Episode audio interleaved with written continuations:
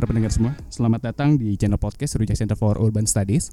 Saat ini kita udah ada di rumah Pak Miming, tepatnya di Blok Eceng nih. Lokasinya itu ada di Muara Angke Pak ya. Ada di Muara Angke. Nah, Pak Miming ini warga Blok Eceng yang saat ini sedang perjuangin kampungnya Pak ya. Perjuangin buat apa? Halo. Oh, Iya. iya, nyala. Jadi kita ada rencana eh, penggusuran kan. Mm. Dari situ kita berangkat eh, karena kita penggusuran tidak ada solusi buat kita maka Ah. kita akan mencoba membuat usulan ke pemerintah. Sip dah, sampai situ dulu Pak. Nah, jadi pada episode kali ini kita sebenarnya tujuannya mau ngomongin tentang gimana sih kondisi air warga kampung di wilayah Jakarta Utara itu. Iya. Nah, nah kemudian sebelum kita ngomongin inti pembicaraan pada episode kali ini, kita bakal ngomongin dulu nih. Jadi Iya. Pak Miming awal-awal itu kayak ngejelasin Pak Miming ini siapa dan Iya. untuk waktunya dipersilahkan Pak Miming. Oke, baik. Te- terima kasih. Saya sih awalnya eh, berangkat dari Sumatera ya. Eh, artinya mencari peluang di Jakarta. Ah, cuman waktu saya masuk ke Jakarta itu saya bergerak di bidang ikan, ikan. Jadi saya termasuk salah satu pemasok ikan dari Pulau Sumatera. Iya. Ya, khususnya bandeng dan udang. Nah, waktu itu saya juga belum menetap ya, masih eh, sewa. Eh, itu pada tahun eh, pas Soeharto lengser tahun berapa ya? 98. Ah, 98. Iya. Saya 98. Nah, mulai masuk. Nah, tahun 99 itu saya mulai membuka usaha eh, ikan grosir Oke. di di pelelangan. Saya masuk bagian dari eh, apa? eh, pemasok ikan dari daerah. Nah, di sana saya mulai menggarap eh, artinya eh, menyesuaikan dengan lingkungan. Nah, lalu eh, pada tahun sekitar 8 tahun yang lalu eh, saya pindah ke Blok Eceng ini. Dulunya saya di komplek kontrak selama beberapa ada 10 tahun. Lalu setelah 10 tahun itu pas eh, persis 10 tahun kemudian saya pindah ke Blok Eceng ini. Nah, di Blok Eceng ini saya sendiri sudah eh, enam tahun ya kalau nggak nggak salah ingat ya. Nah di sini juga artinya eh, dari sisi kebutuhan itu memang apa ya air ini sangat sangat sangat mahal. Ah, Ah, Iya air itu sangat mahal. Eh, kita harus beli air pikulan itu minimal eh, saya pribadi itu bisa mengeluarkan eh, uang 500 sampai 1 juta per bulan. oh alah iya. iya. itu kalau misalnya saya hanya sekedar untuk konsumsi aja saya ngabisin 500 Iya. tapi kalau untuk cuci mandi udah saya ngabisin satu juta per bulan Hmm. Nah karena mahalnya biaya air di sini saya juga Hmm. eh, sempat eh, melihat tetangga-tetangga saya menggunakan air tanah nah cuman mereka menggunakan air tanah resapan gitu ya Eh, Maksudnya bau- gimana tuh Pak? Resapan. Ya air, air itu sumur itu digali cuman sedalam satu meter aja, Oh iya, iya. satu meter aja tapi airnya ada, Mm-mm. bening cuman ah. ba agak sedikit bau. Lalu kalau dicicip, waduh nggak enak banget. iya iya. Iya.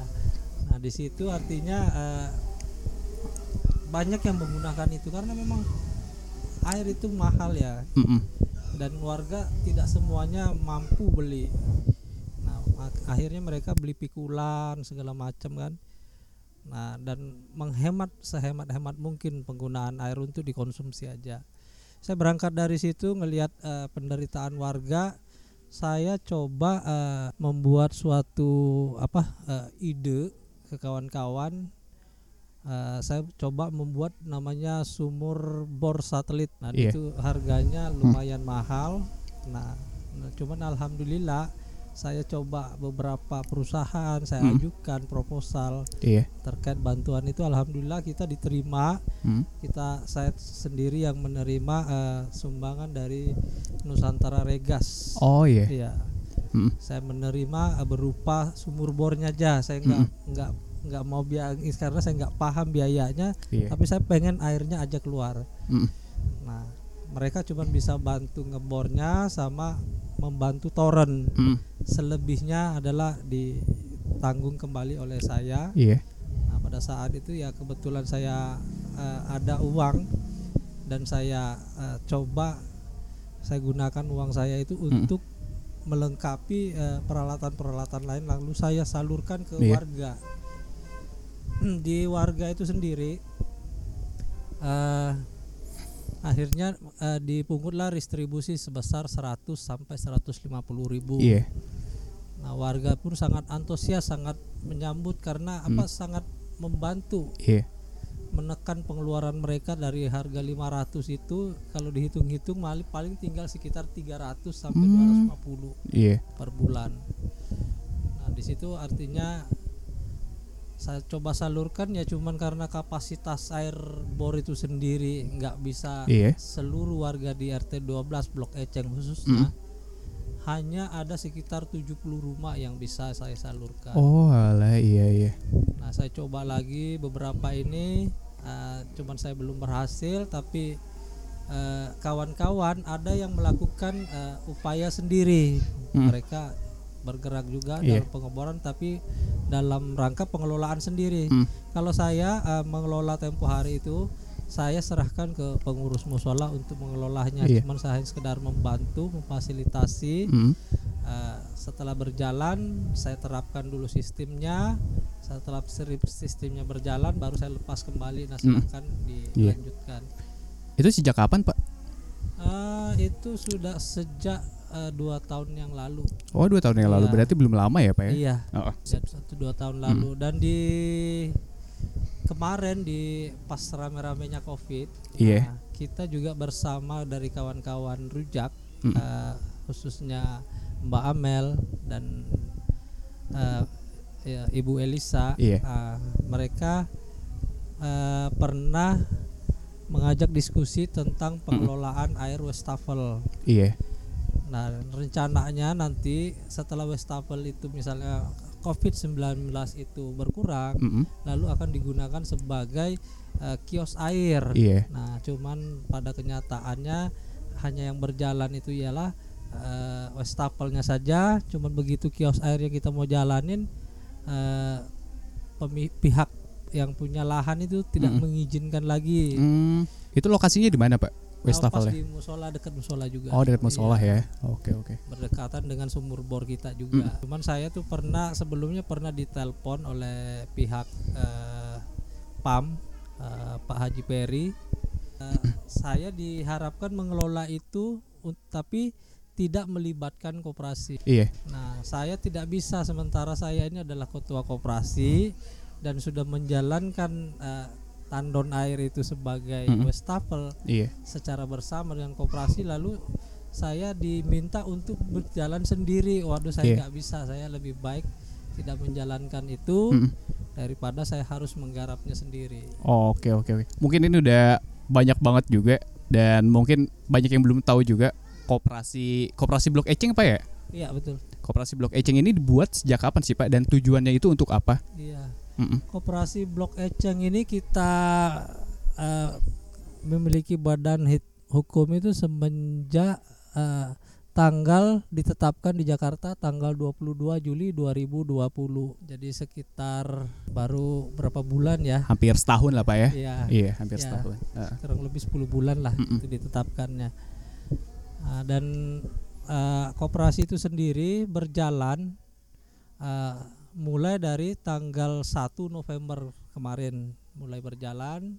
Di sana saya buka usaha di bidang ikan asin, Iya. ya terus ada juga beras, Mm-mm.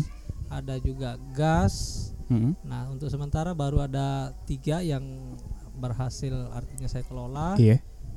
Nah, artinya itu pun eh, kita ingin tetap mengembangkannya ya sampai saat ini. Eh, pengelolaan air enggak eh, enggak terkait kalau yang air bor itu tidak terkait dengan koperasi, tapi terkait dengan tugas saya waktu itu di musola selaku eh, Oh, salah satu iya, pengurus ya. Ah. Nah kemudian saya di musola itu eh, mengundurkan diri karena ada kebutuhan koperasi yang harus eh, saya bentuk bersama kawan-kawan. Jadi sementara ya Hmm. posisi saya di bendahara saya lepaskan dulu di Iya. Di musola. Oke. Nah, nah Pak Miming kalau di total itu udah tinggal di Muara Angke itu udah 20 tahun ya Pak ya? Eh, kalau semenjak saya usaha di Morangke itu ya sekitar sudah 20 tahun. 20 tahun ya. Iya. Nah, selama 20 tahun itu emang akses air yang didapat sama warga Blok E eh, Blok Eceng atau Muara Angke ini sepengalaman Bapak itu emang em- air bersih itu emang nggak dapat sama sekali Pak atau bagaimana sih? Iya betul untuk khusus wilayahnya Blok Eceng sampai ke Empang, Rangijo sana memang belum sama sekali di eh, dialiri air dari PAM ya. Jadi kita artinya masih sistem gerobakan ataupun kalau yang mampu beli mobilan langsung beli mobilan gitu berapa ton berapa ton. Nah tapi warga kan kebanyakan nggak mampu mereka beli pikulan. Oke oke oke oke. Jadi memang dari dulu itu bahkan sampai sekarang itu nggak ada ya Pak ya? Iya. nggak ada.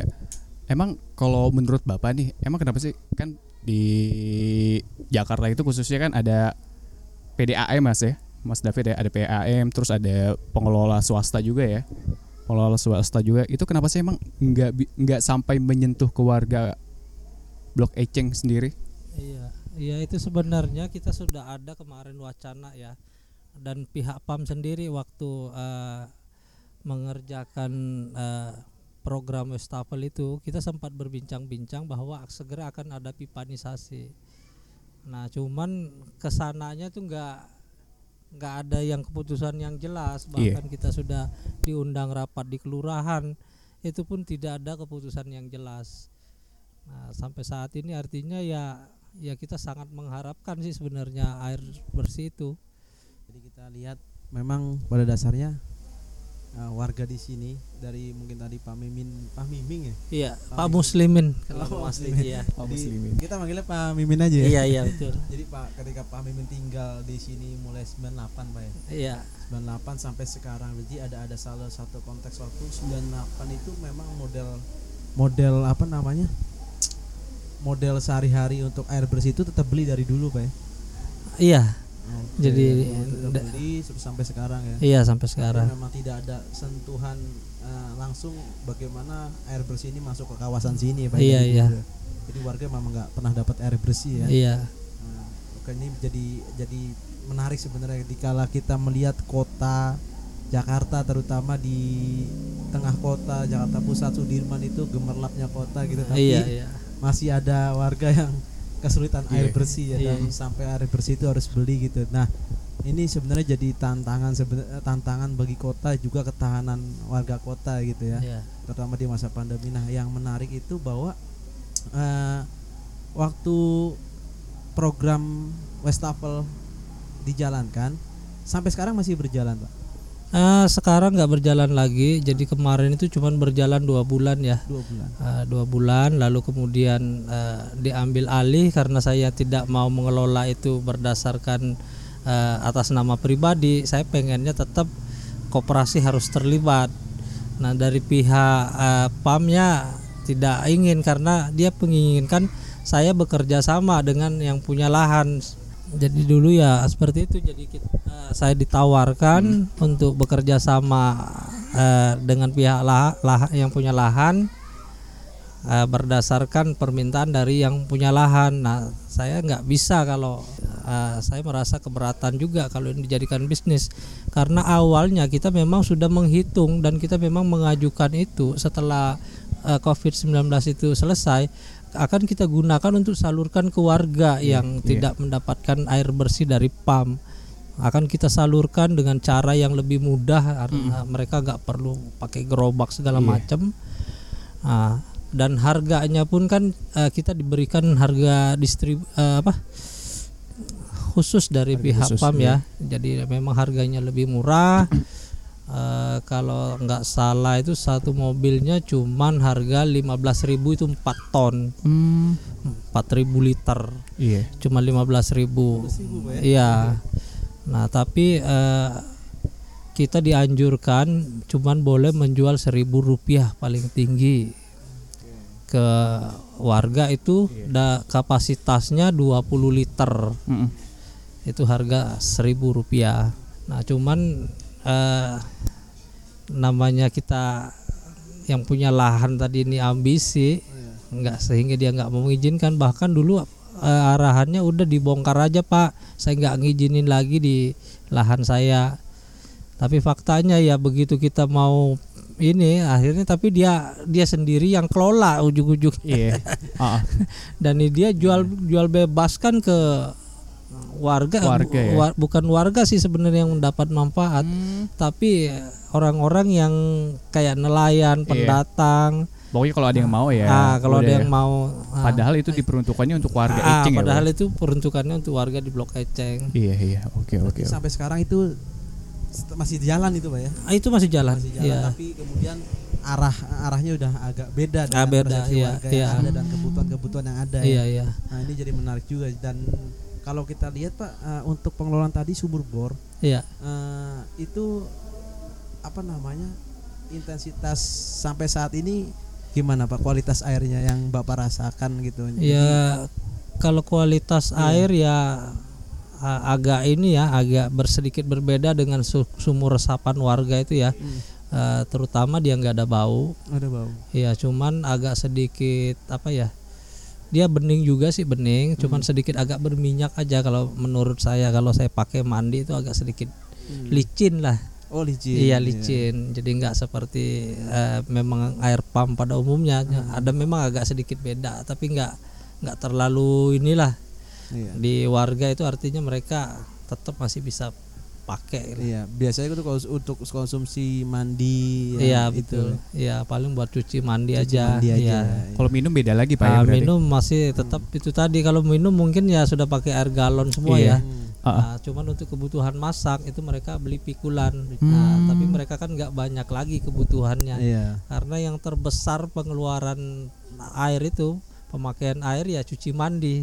Oh iya iya. Iya. Betul. Kalau buat masak paling kan misalnya satu pikul itu 40 liter itu bisa buat makan sehari semalam itu Iya. misalnya buat masak buat apa bahkan Iya. lebih kan. Nah, tapi kalau kita gunakan buat cuci makan eh, cu- makan mandi segala macam cuci, nah kita itu minimal menggunakan air eh, bisa lima pikul minimal tiga pikul. Iya. Nah, kita satu pikul lima lima ribu ya. Iya. Artinya kalau misalnya kita ang- angkat kecilnya aja tiga pikul, artinya 15.000 sehari. Hmm.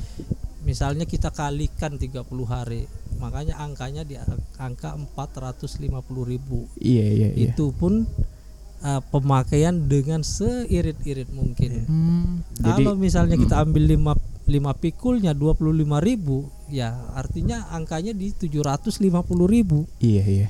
Jadi makanya bisa sampai sejuta. Kalau yang anaknya banyak ya Aduh, Iya betul. bener-bener dipaksa kaya ya Pak ya. dipaksa bener. kaya memang kita orang paling kaya di sini. Iya iya iya. itu iya. bisa pengeluaran habis untuk air Untuk bersih air aja Pak bersih ya. aja.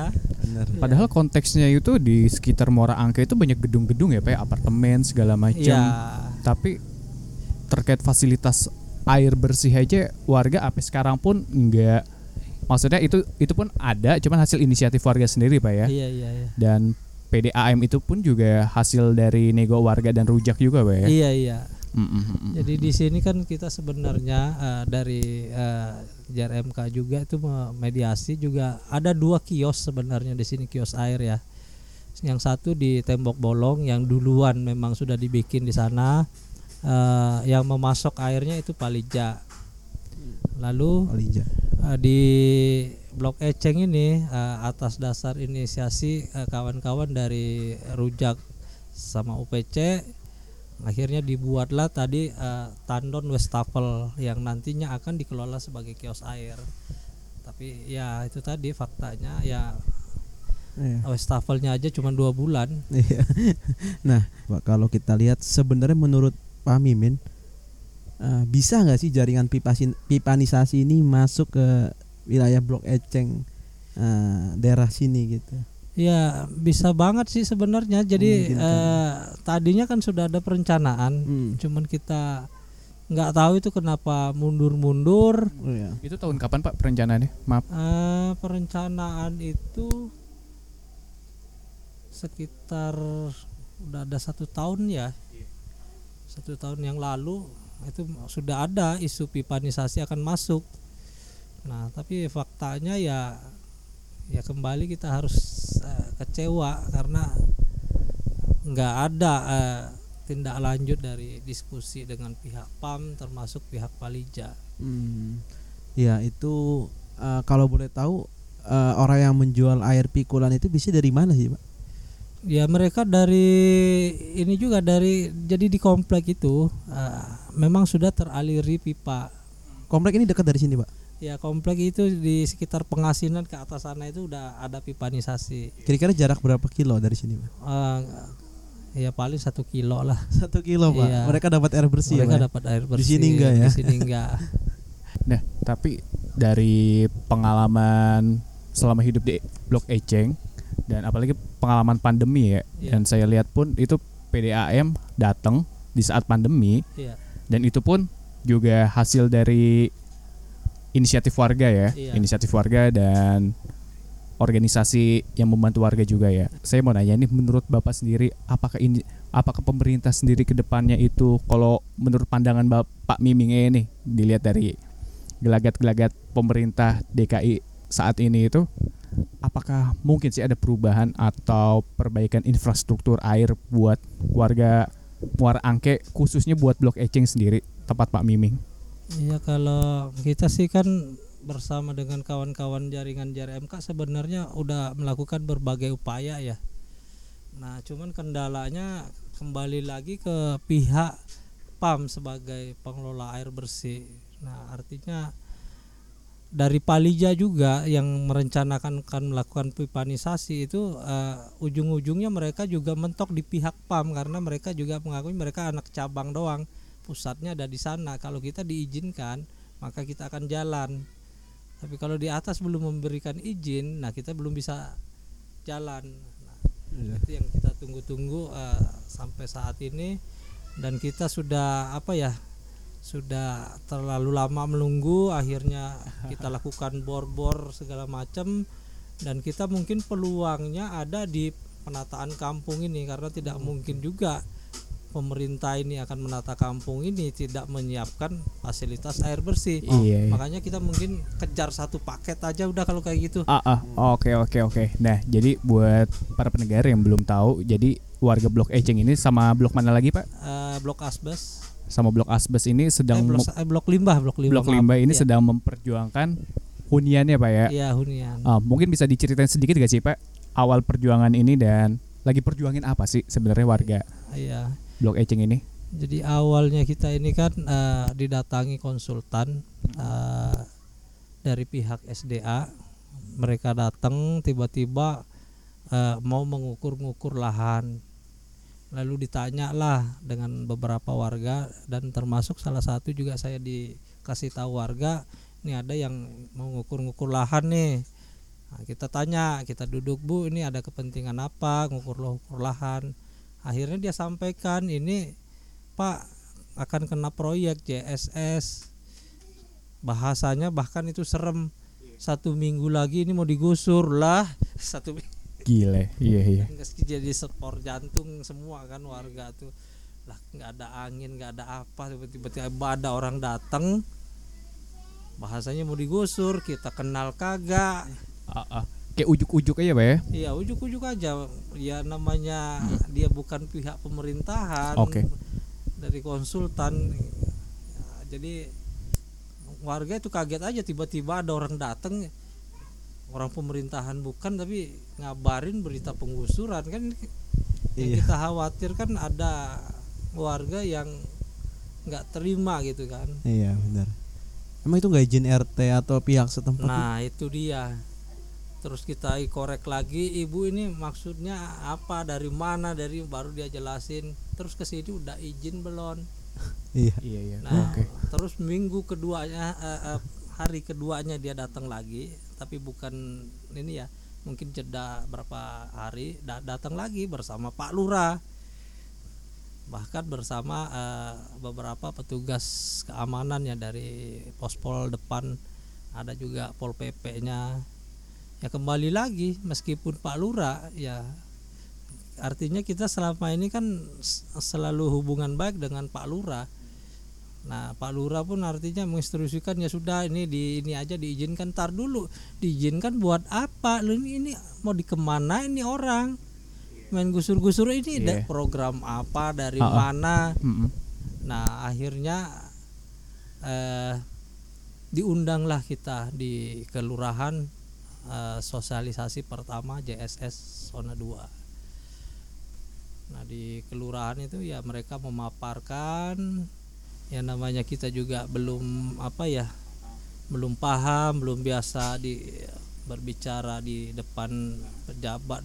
Kayak misalnya pak ada di situ ada kepala dinas kepala dinas. Jadi kita hanya mendengarkan saja setelah itu kita pulang baru kita diskusi. Nah baru kita misalnya eh, memanggil kawan-kawan yang dari JRMK, UPC, Rujang ini kok kita ada masalah begini ini gimana solusinya? Lalu kami eh, dibimbinglah dengan mereka-mereka. Ya sudah kalau begitu Pak coba eh, eh, kita bersurat aja ke gubernur dulu. Nanti seperti apa respon dari gubernur.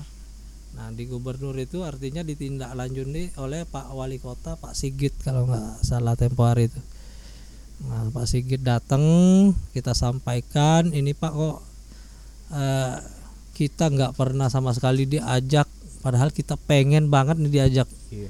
eh, diskusi terkait pemanfaatan lahan ini Iya. kalau mau digunakan pemerintah ya kita sih nggak masalah tapi kitanya juga mau ke mana dulu ditaruh nih kita akan dukung bahkan program pemerintah itu yang Iya. penting kita sudah jelas Heeh.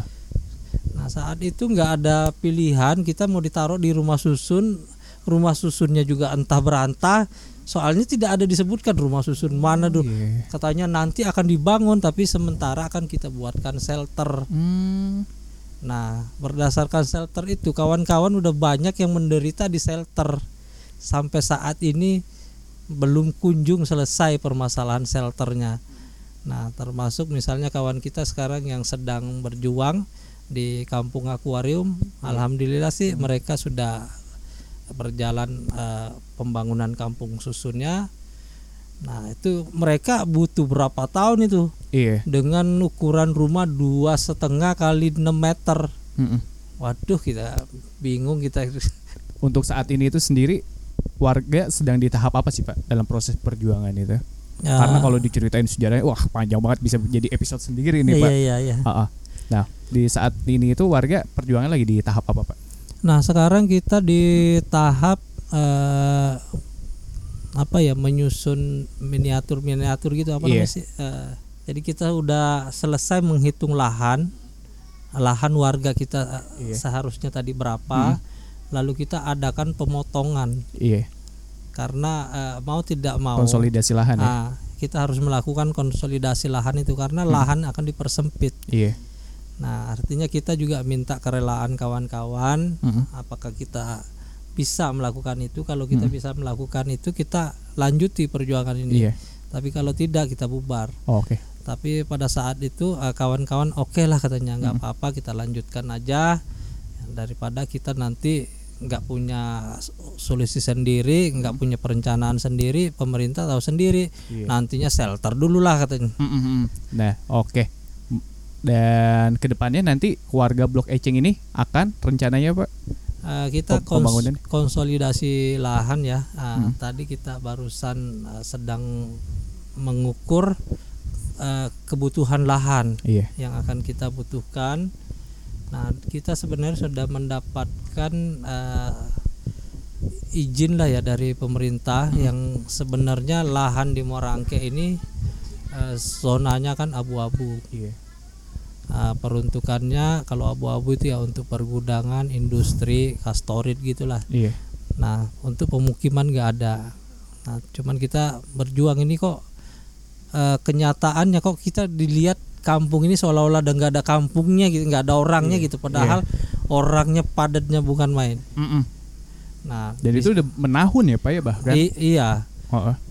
Jadi kita memohon ke Dinas Citata Iya. eh, supaya eh, ditetapkan sebagai eh, lahan untuk pemukiman. Pemukiman, ya. Oke. Ya dari Citatanya sendiri kita sudah eh, diokekan dan di PRK-nya sendiri, eh, cuman saya belum paham apakah sudah diketok atau sudah belum. Iya. Nah, tapi itu sudah disepakati, termasuk dengan pihak UP3 eh, sepakat kalau itu dirubah untuk eh, pemukiman, bukan eh, kastorit lagi atau industri lagi. Oke, semoga perjuangan warga ini bisa tercapai ya Pak dengan Iya, iya. segera walaupun prosesnya memang warga ini harus sabar sa- banyak-banyak sabar ya Pak ya. Iya iya. Oke, dan mungkin terakhir nih Pak dari episode kali ini harapan Bapak ke depannya apa sih buat pemerintah kota kita ini?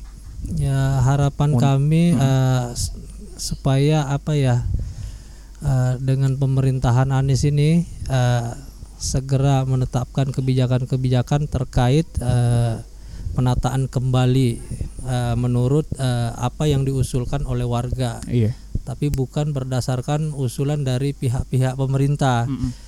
karena memang ber- berbeda sedikit berbeda meskipun sama-sama hunian tapi perencanaannya eh, bahkan desainnya pengennya kita semua yang mendesain sehingga warga itu merasa punya eh, apa ya motivasi dia membangun kampung sendiri bukan Iya. kampung dibangunkan oleh eh, pihak mana pun meskipun misalnya kita dananya eh, tetap dipantu oleh pemerintah Oke. Sip. Nah, untuk harapan Bapak nih untuk terkait hak air bersih untuk warga itu sendiri gimana, Pak? Nah untuk air bersih ini ya kalau memang artinya dari pihak PAM belum bisa ya ya mungkin kami eh, sebenarnya menginginkan adanya kios-kios air yang dikelola oleh koperasi ya Iya. bukan dikelola individu Mm-mm. itu sebenarnya yang kami inginkan dan warga itu sebenarnya menaruh harapan besar dengan koperasi karena selama ini ya memang koperasi itu eh, mampu di eh, apa ya, warga itu pasti peduli dengan Iya. koperasi ya Ah. karena beberapa program kita memang nyata kita lakukan Nah, sehingga warga itu antusias dan saya meskipun baru eh, terbentuknya koperasi ini saya sudah memiliki 122 anggota secara sukarela Iya, iya. Dan itu terdiri dari warga Blok Eceng, Pak ya? iya khusus warga Blok Eceng Iya, amin. Moga kita doakan semoga perjuangan warga Blok Eceng dan Blok Limbah ya, Pak ya. iya Atau perjuangan warga masyarakat Muara Angke secara umumnya ini bisa berhasil lah terkait penataan wilayahnya. iya amin Oke, baik. Sebelumnya mungkin saya ucapkan terima kasih Pak iya karena telah menyempatkan waktunya. Iya, ya Allah. iya, sama-sama. Padahal ini Bapak Pak Mimin ini dari pagi dia habis rapat warga habis rapat warga buat pembangunan. iya sore wawancara lagi Sore wawancara lagi. waktunya. Iya. dan Sekali semoga lagi terima kita kasih banyak doakan Pak. juga Mm. rencana satu paketnya bisa berjalan dengan baik Iya. dan Iya, iya, sesuai amin. angan-angan warga Iya. pak ya amin amin Ah, air bersih hunian iya dan kepastian lahan iya kepastian Kepastian lahan, lahan, dan iya. dan rencana hunian ke depan gitu pak iya ya. iya Oke. Kayak gitu. dan ini jadi salah satu kisah ah, gemerlap Jakarta tidak menutup kemungkinan ada sisi-sisi gelap yang ditutupi iya iya Ah. dan dan niscaya ini juga penting kita publikasi ke pada masyarakat luas bahwa uh, masih ada saudara kita yang memang masih jauh untuk bagaimana merasakan hidup yang layak Iya. di kota metropolitan ini. iya iya iya Ya, Oke. lebih Baik. gitu. Sekian episode pada kali ini. Baik. Iya.